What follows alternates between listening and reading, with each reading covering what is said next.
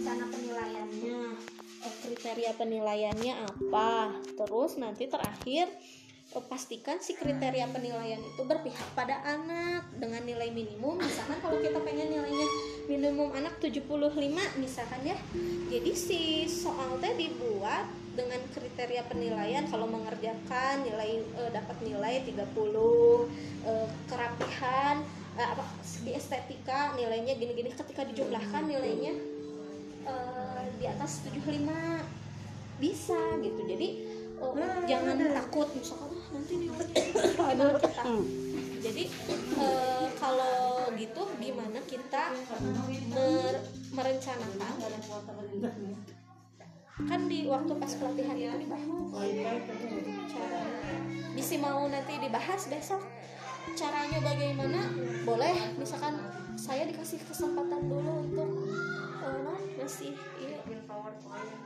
Nggak bikin powerpoint lah ya menjelaskan bagaimana sih eh, biar eh, nilai anak teh di atas 75 Mul- dari contoh perencanaannya bagaimana kriteria penilaian ya. ya nah dan itu dituntutnya dikerjakan di kelas 4, 5, dan 6 tapi ketika dikerjakan dari kelas 1 semua guru kelas 1 sampai kelas 6 bisa guru bidang studi bisa itu kan bakal membantu penilaian anak ya.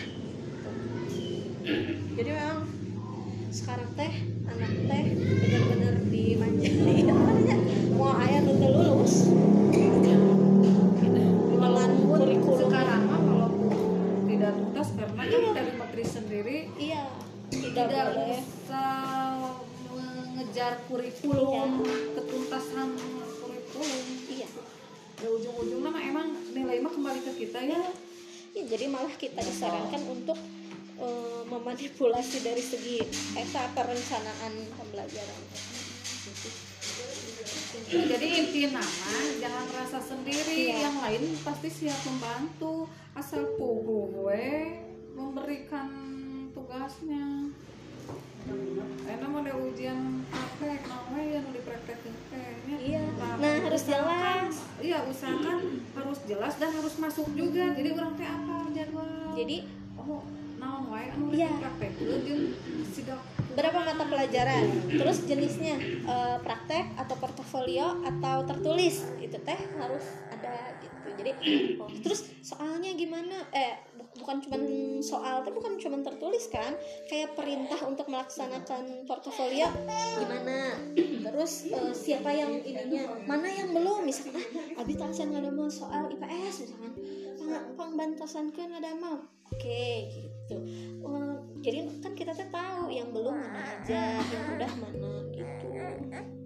saya udah praktek tapi dokumennya tuh ayah Iya, nah, susah. soalnya tuh ayah eh, ini jadi harus gitu. harus pokoknya harus terjadwal dan harus ada laporan. Jadi kita juga administrasinya ada.